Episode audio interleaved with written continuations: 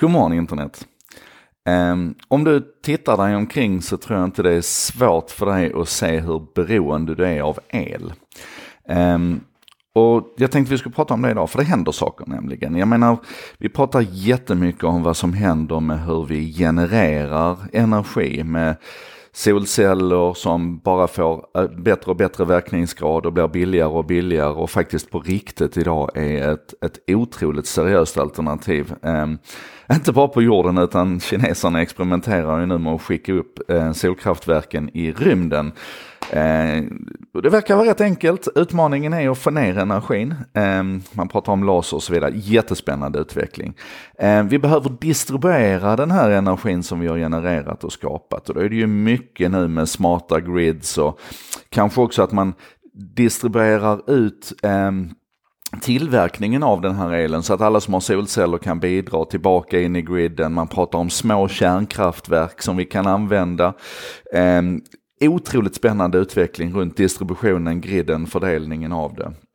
Men också att vi behöver lagra och spara den här energin, vilket ju vi till exempel givetvis behöver för elektrifieringen av hela vår fordonspark. Så att här är det mycket utveckling på batterisidan. Både att man krymper batterierna, att man ökar verkningsgraden, att man kan ladda dem snabbare, att de är tåligare och uthålligare, att de kan tillverkas på ett, på ett hållbart och miljövänligt sätt och så vidare. Fantastisk utveckling över hela banan. Um, men sen finns det, det finns en, ett, ett område som vi inte pratar så mycket om men som är extremt närvarande och det är det man skulle kunna kalla för eh, vårt energibehovs motsvarighet till last mile. Alltså det som händer mellan ditt eluttag i hemmet och den prylen som, som du behöver strömförsörja eller, eller ladda. Eh, och helt ärligt, på laddningsfronten har det inte hänt speciellt mycket idag, alltså de här laddarna vi stoppar i väggen. Det pratas mycket om dem, det pratas om hur de drar energi när de inte laddar, alltså bara av att de sitter i väggen. Det pratas om hur de, hur de alstrar och genererar värme, alltså hur deras, ehm, eh, vad ska man säga, e- effektutnyttjande, verkningsgraden är ganska låg i de här. Det pratas om risker om att de kan börja brinna, också för att de blir varma och, och när vi med existerande komponenter försöker krympa de här och göra dem mindre och effektivare och så ökar också riskerna lite grann med dem. Eh, så det kan jag säga direkt att vara väldigt försiktig med vad du köper för laddare. Men nu har det då börjat hända någonting här på detta området och det är, det är jättespännande för det är en gammal, gammal Eh, jag ska inte säga teknik, men ett gammalt grundämne eller ett gammalt, ehm, en gammal, ett gammalt komponentämne får jag nog kalla det, som heter galliumnitrid som börjar komma till heders igen.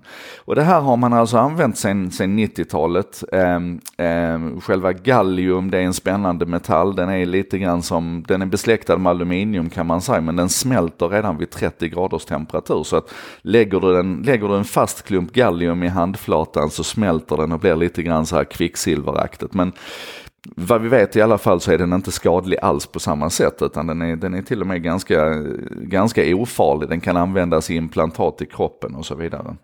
Men om du bearbetar gallium och gör det till galliumnitrid så kan du ersätta silikon med galliumnitrid. Och skillnaden är att en silikonkrets kanske förlorar 3% av, av energin så förlorar en, en gallium eller en galliumnitrid, GAN kallas det GAN, en, en GAN-komponent förlorar bara 1%. Du kan göra den mycket, mycket mindre, vilket också bidrar till att du ökar verkningsgraden. Ehm, den klarar mycket högre frekvenser utan att bli varm, vilket gör att värmeutvecklingen minskar och igen effekten ökar och sådär.